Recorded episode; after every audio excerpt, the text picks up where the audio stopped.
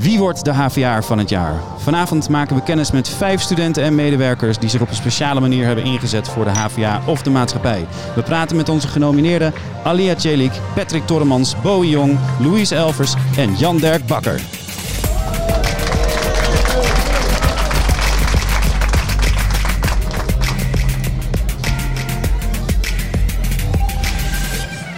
Wat fijn dat je luistert naar deze speciale podcast van HVA vanuit Café Vest. En het klinkt hier heel gezellig, want er is hier ook een kerstborrel gaande. De Foute Kerstruienborrel. Ehm, Ik heb een kerstboom aan. Heel fout, Andrea. Zeker. Ehm, er is weer een jaar voorbij waarin heel erg veel gebeurd is. Veel nieuws, veel mooie verhalen van HVA'ers die bijzondere dingen doen hier op de campus, maar ook daarbuiten. En aan het einde van het jaar heeft onze redactie uit alle HVA'ers vijf mensen gekozen die echt opvielen. En vandaag maken wij dus bekend wie de HVA'er van het jaar wordt. Maar eh, voordat we beginnen zeg ik even wie ik ben. Mijn naam is Daniel Rommens en naast mij aan deze mooie stamtafel zit Andrea Huntjens. Hallo Andrea. Hoi Daniel. Ehm, wat is jou het meest bijgebleven van het afgelopen jaar? En deze vijf tellen even niet mee. Nou, ik ging even nadenken wat ik allemaal heb gedaan dit jaar. En ik heb eigenlijk vooral heel veel lugubere verhalen gemaakt. Oh. Ik ben naar Museum Vrolijk gegaan. Dat ligt naast het Nicolaas Stulphuis. Ja. ehm, waar allemaal foetussen op sterk water in potjes zitten. En allemaal skeletten en zo. Ehm, en ik ben eh, naar het IWO gegaan, de tentamenzaal, ook in Zuidoost. Ja. Eh, want er gaan echt al heel lang geruchten onder studenten dat daar lijken opgeslagen liggen. Zijn er mensen hier in de zaal die dat gerucht kennen? Niemand. Nou, het gaat echt wel heel lang rond hoor. Oh. maar het is altijd een beetje koud. Je kunt alleen naar de vierde verdieping. En dus Ja. naast het AMC. Dus, Maar is het waar? Nee, het is niet waar. Maar er zit wel iets anders gruwelijks. Hm, Een boekendepot. Een boekendepot. Gruwelijk. Eh, lekker griezelen daar in het IWO. Ehm, het was trouwens een van je beste, de beste gelezen verhalen van dit jaar. Wist je dat? Ja, dat wist ik. Dat heb je verteld. Oh. Nou, mooi. Het staat ook in het draaiboek. Ehm, ik wil beginnen met onze eerste genomineerde. Eh, en ik ben benieuwd of hij nog over de grachtengordel kan lopen zonder elk kuiltje te zien. Ik ben Patrick Tormans en ik heb technische informatica gestudeerd aan de HVA. Het afgelopen jaar ben ik bezig geweest met afstuderen. Eh, voor het afstudeerproject heb ik samen met anderen een sensor ontwikkeld om verzakkende kademuren in kaart te brengen.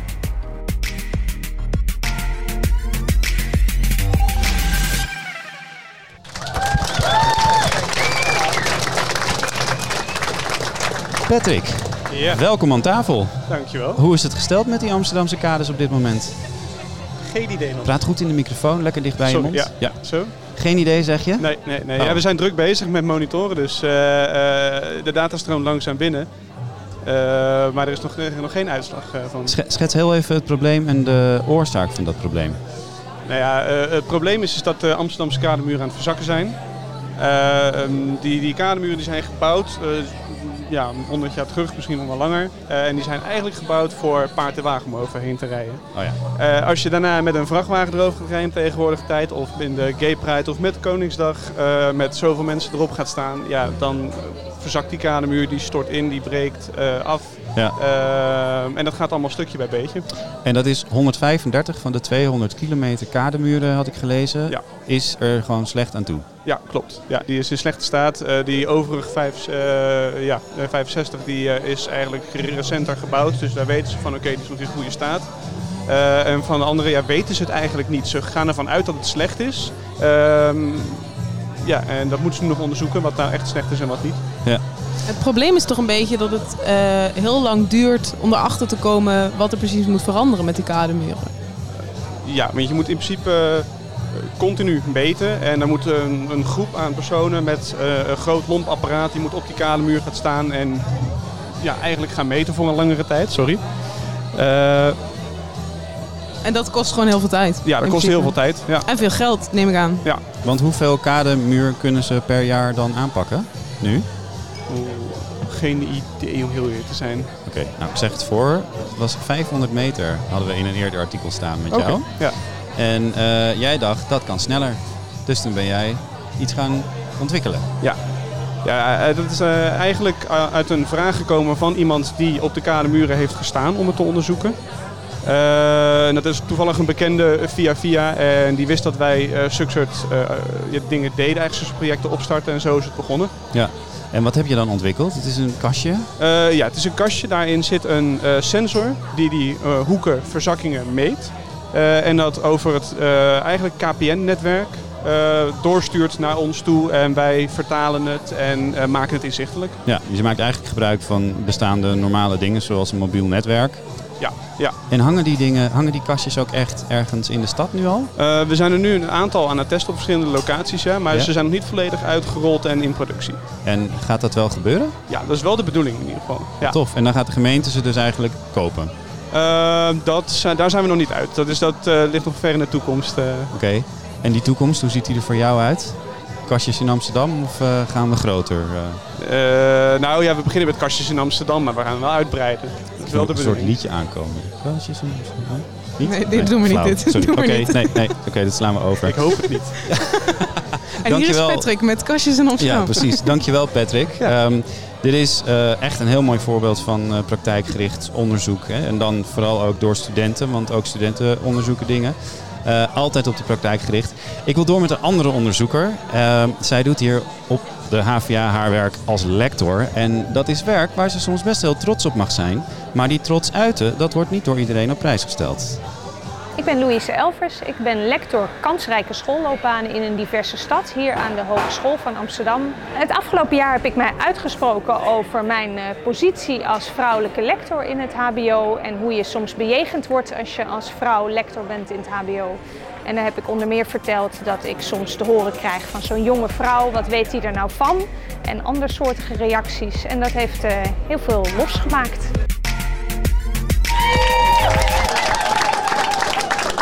Ja, Louise, uh, je bent natuurlijk lector, net als heel veel mannelijke lectoren. Maar wanneer had jij nou door van, hey, ik word eigenlijk anders behandeld dan die mannen? Nou, achteraf eigenlijk best laat. Ik uh, vertelde ook in het interview dat ik heel lang heb gedacht dat seksen eigenlijk geen uh, verschil zou maken. En op een gegeven moment begon ik patronen te zien en dacht ik, ja, ik kan eigenlijk niet meer ontkennen dat ik er toch wel op word aangesproken dat ik le uh, vrouwelijke lector ben. Uh, wat ik net liet horen was natuurlijk een heel expliciet voorbeeld. Iemand die zei van zo'n jonge vrouw, wat weet zij daar nou van? Maar ik kreeg ook wel vaak reacties als ik in uh, discussies met mijn mannelijke collega's was, dat er dan toch dat moment komt van... Uh, ah Louise, je leek toch zo lief. Of waar is je lieve lach gebleven? Of oei, oei, oei, Louise is weer kritisch. En dat zijn van die momenten als dat vaak gebeurt, dat je denkt... Als ik nou een 50-jarige man, uh, breed geschouderd in pak met een zware stem was geweest, had je dat ook tegen me gezegd. En dan moet ik toch steeds vaker denken, nee, ik denk het eigenlijk niet. Nee, dat snap ik. En uh, je hebt je toen, we hebben je toen geïnterviewd, daar heb je dat geuit, die frustraties. Heb je daar dan weer reacties op gekregen van collega's? Ja, heel veel. Uh, het viel wel op, vooral van vrouwen die het herkenden en heel blij waren dat ik me had uitgesproken. maar ik denk wel dat het in die zin iets teweeg heeft gebracht, al is het misschien maar een klein beginnetje. Ja. Um, Krijg je dan ook negatieve reacties van mensen? Kreeg je? Op het interview heb ik geen uh, negatieve reacties gehad, nee. Maar de, als mensen uh, hè, zoiets zeggen als, uh, nou zo'n jonge vrouw, wat weet hij er nou van? Of heb je dan niet eens dat je hoort dat je een toontje lager moet zingen of zo? Neem jij dan de mensen die dat soort dingen tegen jou zeggen iets kwalijk? Vind jij dat zeg maar, persoonlijk heel vervelend? Of denk jij ook dat zij echt iets vervelends tegen jou willen zeggen? Nee, dat denk ik eigenlijk niet. Want wat ik eigenlijk aan de kaak wil stellen is dat het juist uh, fijne collega's zijn die dat zeggen. Die als je het zo, ze zou vragen uh, zeker vinden dat vrouwen ook gewoon hun plek hebben in de wetenschap of in het onderzoek. Maar dat het dus juist hele subtiele mechanismes zijn. Dus juist mensen die je heel erg steunen en je op andere momenten hun waardering voor je werk hebben uitgesproken. Maar toch als bijvoorbeeld de discussie wat steviger wordt, je opeens op je vrouw zijn gaan aanspreken. Of daar blijkbaar ongemakkelijk van worden. Zelf heel veel ruimte innemen, maar jou die ruimte niet gunnen. Dat zijn momenten waarop je ziet, kennelijk is het uiteindelijk toch iets wat er wel toe doet. Ja. En ik heb dus juist niet willen suggereren dat ik uh, wil vingerwijzen naar individuele collega's of zeg jullie doen het fout en ik ben een slachtoffer, maar meer van zie wat voor patronen het zijn en laten we daar met elkaar over hebben. Wat ik heel mooi en ook wel een beetje pijnlijk vond, uh, is dat je vertelde dat jij ook echt ging twijfelen of het je er nou wel goed aan deed om trots te zijn op een boek, goede boekrecensie bijvoorbeeld. Um, hoe kijk je daar nu tegenaan? Ja, nog steeds heel wisselend. Want uh, ik was dus op een gegeven moment dat ik niet meer zo durfde te delen. Uh, ik heb vorig jaar een boek gepubliceerd. Het heeft heel veel mooie recensies gekregen. Maar ik merkte dat dat niet zo werd gewaardeerd als ik dat deelde. Terwijl dan, uh, als het dan een beetje stil viel, de collega, een andere collega een uur later juist weer riep... Wow, ik heb een mooie beurs gekregen of ja, zo. Ik dacht, ja. oh, dat mag je dan blijkbaar weer wel delen. Dus ik vond het allemaal heel ingewikkeld. Ik ben het toch wel wat minder gaan delen. Ehm, dus dat is eigenlijk jammer. Maar Neem dan je zie je ook dat weer... kwalijk? Ja, dat neem ik mezelf wel kwalijk. Ja. Waarom doe je het dan? Ja, dat vraag ik me ook wel af. En dan neem ik me weer voor om het weer meer te doen. Nou ja, het is ook een beetje misschien de aard van het beestje. De ene schreeuwt meer, de ander doet het wat minder. Ja. Ik weet het niet. Maar in ieder geval moet die ruimte er gelijk zijn voor mannen en vrouwen. En het is natuurlijk jammer als ik me als vrouw daar in het bijzonder ongemakkelijk over zou voelen. Als ik eh, wil delen wat ik heb bereikt of als ik iets moois voor elkaar heb gekregen. Maar ik zie zelfs als je het deelt, heb ik afgelopen week gezien. Ehm, dan wordt het nog steeds niet altijd erkend of herkend in gelijke mate als bij mannelijke collega's. Wat gebeurde de afgelopen week dan? Ehm, nou, we hadden toevallig een, eh, een kerstborrel waar eh, we even met elkaar nadachten over hoe het afgelopen jaar was gegaan. Ehm, en toen werd er eigenlijk een beetje gesomberd over onze acquisitie. Als onderzoekers moeten wij geld binnenhalen. Dat we dat eigenlijk niet zo heel goed hadden gedaan het afgelopen jaar. Toen dacht ik al, nou daar herken ik me eigenlijk niet in. Want ik had eigenlijk net een hele mooie grote onderzoeksbeurs binnengehaald. Dus Ja. nou, ik heb eigenlijk best goed geboerd. Ehm, maar toen werd er gezegd, nou ja, gelukkig is er één uitzondering. En toen werd een mannelijke collega heel erg in het zonnetje gezet die een mooie beurs had binnengehaald. eh, wat ik hem verder van harte gun. Ja. Maar die van mij werd niet genoemd. Terwijl als ik heel flauw ben, was het eigenlijk ook nog meer geld. dus dat valt dan toch wel op. Maar wat dus leuk is na, eh, na aanleiding van het interview, is als dit dus gebeurt, dat nu collega's mij allemaal de volgende dag aanspreken en zeggen, nou, dat was zo opvallend en Ja. wat gek en hoe kan dat nou? Maar niet meteen. En vroeger had ik dan gedacht, nou, dit was even een eenmalig iets. En nu denk ik, ja, dat is toch weer een beetje dat patroon. Ja. En dat patroon, dat eh, gaan we hopelijk eh, een keer doorbreken hier Dat op de hoop ik ook. hogeschool. En daarbuiten. Toch? Absoluut. Dankjewel Louise. Ehm, ik wil door naar de volgende genomineerde. En hij zette zich in tegen homofobie in de voetbalwereld. Daarvoor kreeg hij veel lof, maar ook kritiek, onder andere van Johan Derksen. Ik ben Bowie Jong en ik ben afgelopen juli afgestudeerd aan de Hogeschool van Amsterdam. Ik heb het zelf heel lastig gevonden om als kind eh, erachter te komen dat ik zelf op jongens viel. En het klimaat, dus altijd maar met homo's schelden om je heen, om dat te horen, dat heeft op mij heel veel indruk gemaakt. Ik heb afgelopen jaar een eh, brief geschreven naar de KNVB en alle Nederlandse eredivisieclubs. Eh, eigenlijk met de boodschap om iets te doen tegen het homofobe klimaat in de voetbalwereld. Daar is toen een hashtag ontstaan, hashtag sorry Johan. En dat kwam omdat Johan Derksen, die heeft toen in zijn voetbalprogramma gezegd van ah joh, die homo's moeten zich niet zo aanstellen en niet zo een beetje karakter tonen, gewoon uit de kast komen. En ja, daar waren, waren natuurlijk heel veel mensen best wel verontwaardigd over, nou, waaronder ik. En dat heeft echt wel eh, iets in gang gezet wat dat betreft.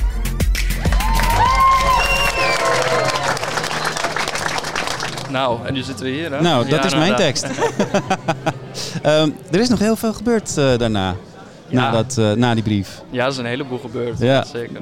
Ja, want wat voor reacties kreeg je? Ik bedoel, Ja. naast dat Johan Derksen je uitschold en weet ik wat. Naast Johan Derksen, eh, ja, heel bijzonder sowieso, heel veel positieve reacties. Hè. Ik ben op bezoek geweest in de Tweede Kamer, ik heb met de KVB mogen spreken. Eh, heel veel scholen ben ik langs geweest. En ook een heleboel negatieve reacties. eh, die op een gegeven moment wel een beetje een plekje geeft van gewoon niet naar lezen of gewoon negeren. Want uiteindelijk zijn het eh, allemaal anonieme mensen vaak. Maar eh, ja, ja, toch wel, je moet er wel iets mee. Ja.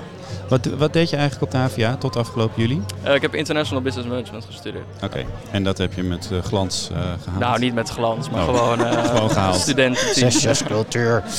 Ehm, hoe ging jij met al die reacties om? Met het feit dat je ineens prijzen kreeg? Eh, want je hebt de Jos Brink Innovatie Award gewonnen. Je hebt de eh, Wink Diversity Award eh, gewonnen. Iedereen wilde je ineens interviewen, inclusief wij. En toen zei je, nou, doe het even rustig aan. Hoe ging dat? Wat, was dat niet te, te veel ineens?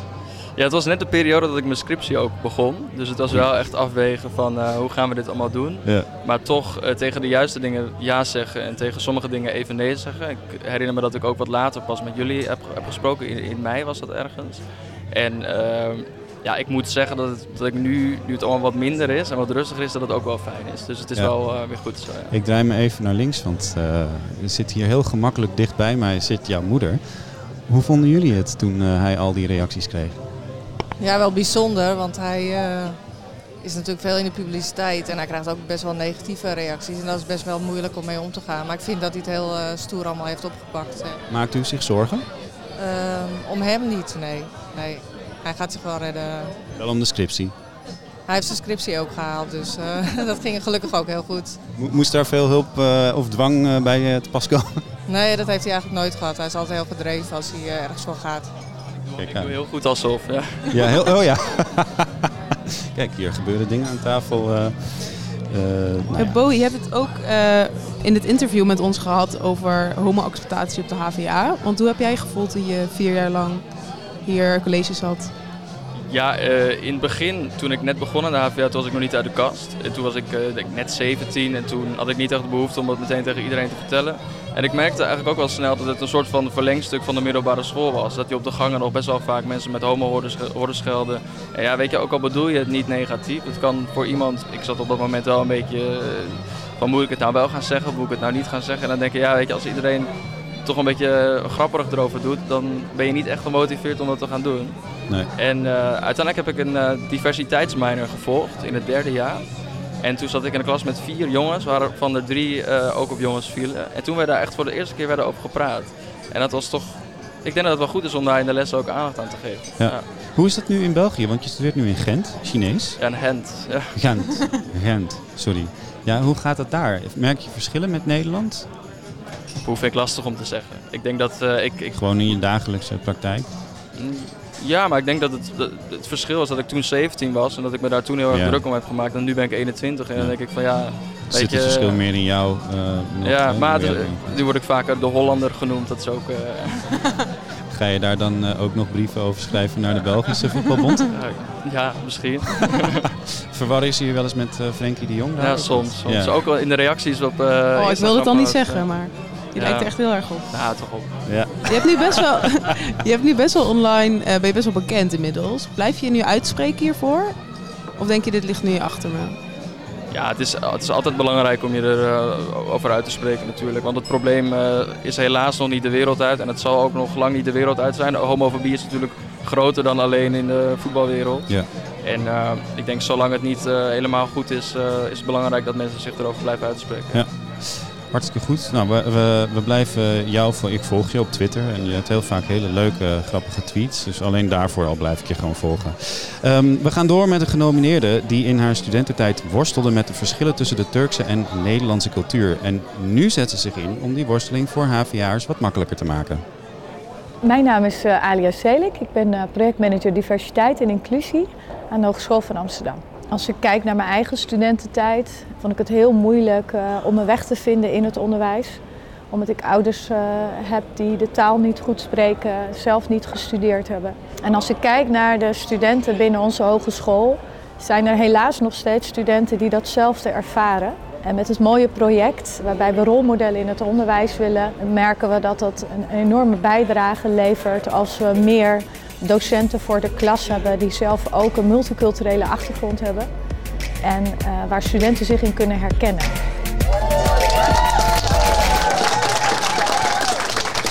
Ja, Alia, ehm, jij runt hier een trainee-programma op de HVA. Klopt. En eh, staat iedereen open voor de dingen die jij daarmee aan het doen bent? Inmiddels wel. Toen eh, eh, ik het eerste interview gaf, toen was het echt een nieuw project. En eh, waren er opleidingen die eh, nog best wel wat vraagtekens hadden bij het project. Maar inmiddels moet ik zeggen dat doordat we zulke goede getalenteerde mensen hebben, eh, dat veel meer opleidingen heel erg enthousiast zijn. Ja. Ik wil heel even terug naar het begin, want jouw werk is onderdeel van een heel belangrijk doel van de HVA. Namelijk dat er minimaal 20% medewerkers met een niet-westerse migratieachtergrond uiteindelijk hier komen te werken. Ehm, waar staan we nu eigenlijk eh, daarmee? Heb jij dat in beeld? Ehm, nou, we hebben meegedaan aan een pilot waarbij dat is gemeten. Ja. Want wij mogen dat zelf niet bijhouden. Eh, maar eh, het ministerie heeft aangegeven dat ze wel door willen gaan met dat meten. Dus dat betekent dat we hopelijk misschien op een wat later moment, want het is in 2018 geweest, om dan weer te kijken hoe we ervoor staan. Ja. Heb jij zelf eh, persoonlijk eh, eh, ook doelstellingen? Want ik kan me voorstellen, dit is een vergezicht misschien wel. Ja. Heb jij tegen jezelf gezegd van nou, ik ga ermee aan de slag, maar ik wil in het eerste jaar minimaal dit bereiken? Wat ik minimaal wil behalen is, wat ik ontzettend belangrijk vind, is dat de mensen die we aannemen, de, de trainees, dat die goed landen. Dat ze ehm, eh, eh, eh, zich thuis voelen en dat ze goed begeleid worden en goed tot hun recht komen. Ja. Dat vind ik op dit moment heel belangrijk. Dat trainee-programma, kun je eens uitleggen wat dat is in een paar zinnen? Ja, wat we willen is eh, rolmodellen in het onderwijs waar onze studenten zich in kunnen herkennen. Eh, en ehm, eh, en die mensen, dat, die hebben een multiculturele achtergrond. Dus eigenlijk heel divers. En onze doelstelling is 40 mensen aannemen. En um, waarbij we willen dat die mensen ook van hun, vanuit hun kennis en ervaring een belangrijke bijdrage leveren aan het onderwijs. Dus even, even in het kort, dat is het traineeship. Ja. En je doet dit werk uh, niet alleen maar omdat je er geld voor krijgt, maar ook vanuit een heel sterke persoonlijke motivatie. Ja, klopt. Ja. ja. Kun je werk uh, ook nog wel eens uitzetten dan? Of zit je thuis uh, tot laat in de avond erover na te denken? Nou, wat ik, wat ik moet ik eerlijk bekennen, uh, tuurlijk, ik heb ook een persoonlijke uh, verbindenis met uh, dit thema. Ook ja. omdat ik zelf een rolmodel heel erg gemist heb in de tijd dat ik studeerde. Ja. Um, en dus ik, ik moet soms inderdaad ook het, het, het, het, knopje thuis uitzetten. Dat, dat vind ik nog wel eens moeilijk. Ja. Omdat ik me zo verbonden voel met, met dit thema. En ja, dus dat is nog wel een, af en toe een dingetje, ja. Ben je op de goede weg, vind je zelf? Uh, ik vind van wel. ik vind, uh, nou, we hadden het er net even met Louise over. Uh, wat ik heel leuk vind is dan komen mensen bij me en zeggen: Oh, ik heb de trainees ontmoet. Wat een leuke mensen, wat zijn ze enthousiast en wat een toppers zijn het. Ja. En mensen die willen samenwerken, met ze willen kennismaken. En dat vind ik een heel mooi signaal dat, dat er mensen het met open armen ontvangen. Um, Eén keer doen we zo heel positief. De rest van het jaar gaan we je weer heel kritisch volgen. Oké, okay, is goed. um, dan zijn we toe aan onze laatste genomineerde. En dat is iemand die uh, heel uh, blij zou zijn geweest als alles hier technisch helemaal vlekkeloos was verlopen. um, Mijn naam is Jan Bakker. Ik hou van dingen die werken. En ik ben begeleider bij de Clean Mobility wedstrijdprojecten van de faculteit Techniek. Wat bij Clean Mobility gebeurt is, we proberen de goede omgeving neer te zetten om studenten de gelegenheid te geven de beste ingenieur te worden die hij of zij kan zijn. Voor de studenten werkt dit team alleen maar uh, als je zelf erg blij wordt van techniek. Voor mij als begeleider werkt dit alleen maar omdat ik ook heel erg blij word van techniek. En dat is af en toe chatten rond middernacht of dat is tijdens een race uh, soms op een camping tot half drie s'nachts samen gaan kijken van waarom doet het systeem nou niet wat het systeem moet doen.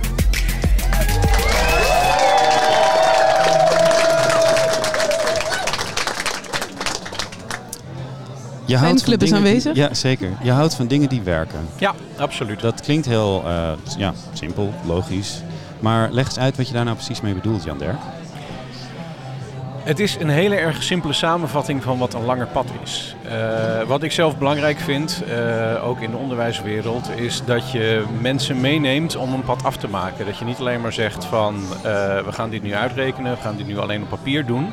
Maar dat je de laatste stappen maakt om ook ervoor te zorgen dat het idee wat jij in je hoofd had ook gerealiseerd wordt en gerealiseerd kan worden. Ja. Want je ziet dat er daar altijd een paar extra struikelblokken in zijn die je eigenlijk niet uh, van tevoren aan zag komen. Nee, ik uh, denk even aan uh, toen ik vorig jaar in Londen op een snikheet terrein stond. Waar het ontwerp van een waterstofauto allemaal hartstikke goed was. Maar uiteindelijk er geen rekening was gehouden met dat als je door een putje rijdt, dat er dan wel eens iets kan verbuigen. Is dat zoiets wat jij bedoelt? Als je door een putje rijdt en net niet het goede boutje hebt aangedraaid, dat, dat je dan een auto kan hebben die het zes ronden lang prima doet en dan steeds langzamer ja. gaat, gaat rijden. ja. ja. ja. Um, Clean Mobility hebben we het over. Dat is uh, uh, het uh, project, onder andere hebben we het daarover. het project waar studenten um, zelf voertuigen maken, innovatieve voertuigen, met hulp van een paar docenten. Ja. En daarmee de hele wereld rondtrekken om aan wedstrijden mee te doen. Dat is dit jaar bij de onderwijsconferentie verkozen tot het beste studentenproject van de HVA. Dat mag wel een applausje krijgen, vind ik ook, toch? Um, Gaat het alleen maar om uh, ergens tof in Monaco met een boot rondjes varen? Of uh, is het uh, vooral ook heel belangrijk dat die studenten er nog wat van leren? Logische vraag. Dat is, dat is een redelijke open deur. En ja. ik vind het interessant dat je Monaco noemt. de wedstrijd in Monaco is voor ons technisch gezien eigenlijk niet interessant. Oh. Uh, we staan wel in, heel we, leuk om bij te zijn. We, nee, nee, dat snap ik. We staan in Monaco. Monaco is een prachtige plaats. Monaco is ook een erg fotogenieke plaats om filmpjes te maken ja. die dan weer uiteindelijk op websites uh, verschijnen. Ja. Uh, maar technisch gezien is de uitdaging heel erg klein. Alleen omdat we naar Monaco gaan, hebben we een erg goed excuus om vervolgens door Frankrijk, door België, door Nederland heen terug te varen. En Met dat, een zonneboot. met een zonneboot. Ja. En dat is juist waar, waar het leren en waar de technische eh, innovaties uitkomen. En, Want? Ehm, dat is weer dat dingen die werken. Ehm, je hebt een boot die het misschien heel eventjes tijdens het race op het water doet. Maar als je terug gaat varen met zo'n boot, dan wil je eigenlijk dat die eh, zes dagen lang, eh 12 uur per dag ook blijft werken. En Ja. waar je dan heel hard tegenaan loopt, is op het moment dat hij het niet doet. Ja, kijk dan eens naar het hele plaatje. Eh, je ligt met een boot in het water die gestopt is. Eh, hoe hou je hem weer uit het water? Want de volgende trailerhelling is 5 kilometer verderop. En het busje waar de reserveonderdelen in zitten eh, is 50 kilometer verderop. Want die moest, leerzaam. uitla- ja, die moest uitladen bij de camping. Het is voor- vooral het kijken naar systemen, dat, dat hou je er heel erg uit. Wat doe jij als docent op zo'n moment? Ehm, wat ik meestal probeer te doen als docent is om dan anderhalf uur later eens een keertje aan te komen. Oh, Want waarom? ehm, als ik er ben op het moment dat de boot het water uit wordt gehaald, dan haal ik eigenlijk het initiatief weg. Eh, op het moment dat ik anderhalf uur later kom, eh, ofwel binnen die anderhalf uur is het probleem al gefixt. En als binnen anderhalf uur het probleem nog niet gefixt is, dan is het tegen die tijd wel handig dat ik in de buurt ben. Ja. Dus je laat ze af en toe ook een beetje hun eigen ding doen.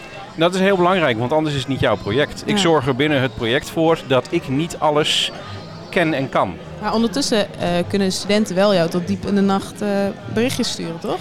En, en, en wederzijds, ja. Dus slaap je dan überhaupt nog wel als je tot drie uur s'nachts op de camping eh, mensen aan het helpen bent?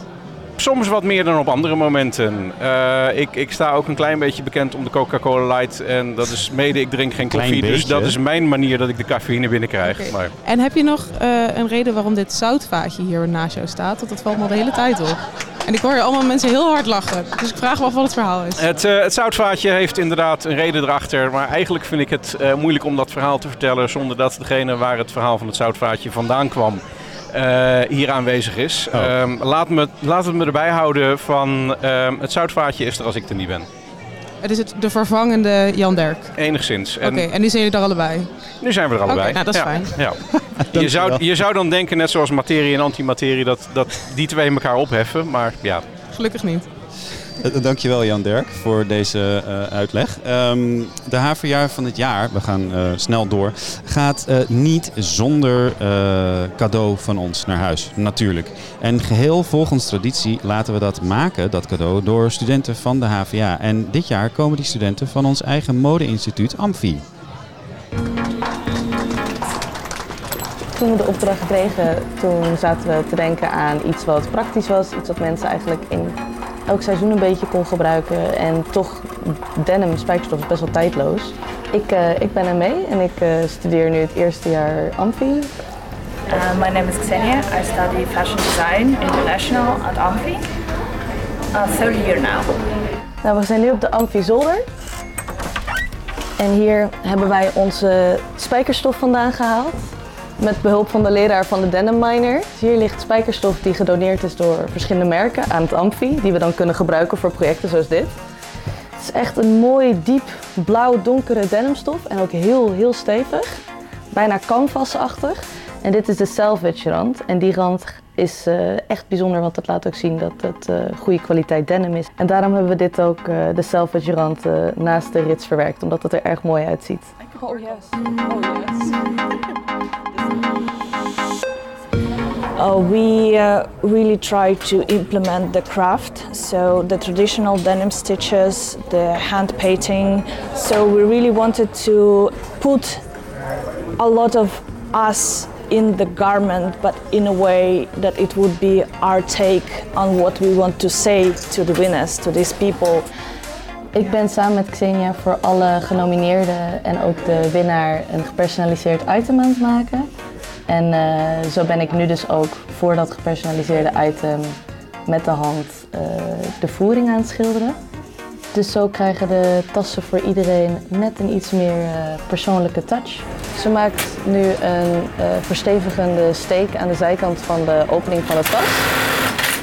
En dat is best wel luid, maar ze hij wel zo extra lang goed. Oh, you mean the white itself? Yeah, but Oh. still for the general part, I think it looks quite good. It looks great. It really does.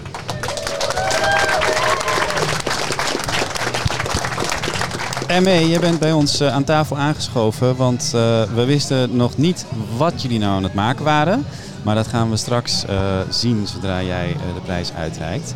Kun je een klein tipje van de sluier oplichten? Ja, dat kan ik zeker. Ehm, allereerst even kort. Ik heb het gevoel toen ik hier binnenkwam dat ik jullie allemaal al kende. Maar jullie kennen mij natuurlijk niet. en voor mij zijn jullie allemaal HVA van het jaar. Dat wil ik ook gezegd Ah, dat is hebben. wel lief. Het, eh, het tipje van de sluier is eigenlijk in, helemaal in de sfeer van Amfi dat we zo eh, duurzaam mogelijk een heel mooi iets wilden neerzetten. Wat vooral praktisch, functioneel, bruikbaar en eh, ook nog mooi en persoonlijk is. Dus dat is het tipje. Heel goed, het, een klein tipje. En dan komt het moment waar jullie denk ik allemaal op zitten te wachten. Ik zeg het nog een keer. Het hele jaar lang zijn wij journalisten, mensen die jullie kritisch volgen. Wat zijn jullie nou eigenlijk allemaal aan het doen? Maar één keer per jaar mogen wij onze mening geven. En wij zijn van mening inderdaad dat hier vijf mensen aan tafel zitten die de hogeschool van haar aller, allerbeste kant laten zien. En op zo'n hogeschool is goed beroepsonderwijs, praktijkonderzoek en innovatie heel erg belangrijk. Maar zonder een veilige omgeving waarin je je gerepresenteerd voelt, het gevoel hebt dat je jezelf kunt zijn, kun je niet leren of presteren. De HVA van het jaar ziet en voelt dat als geen ander. En heeft dit jaar veel betekend voor het gevoel dat je trots mag zijn op wie je bent en wat je doet. Ook als anderen daar om wat voor reden dan ook een probleem mee hebben en de noodzaak voelen om er flauwe grapjes over te maken. Deze persoon sprak zich uit, incasseerde een hoop reacties en deed er toen nog een schepje bovenop met de intussen welbekende hashtag Sorry Johan. De HVA van het jaar 2019 is Bowie Jong.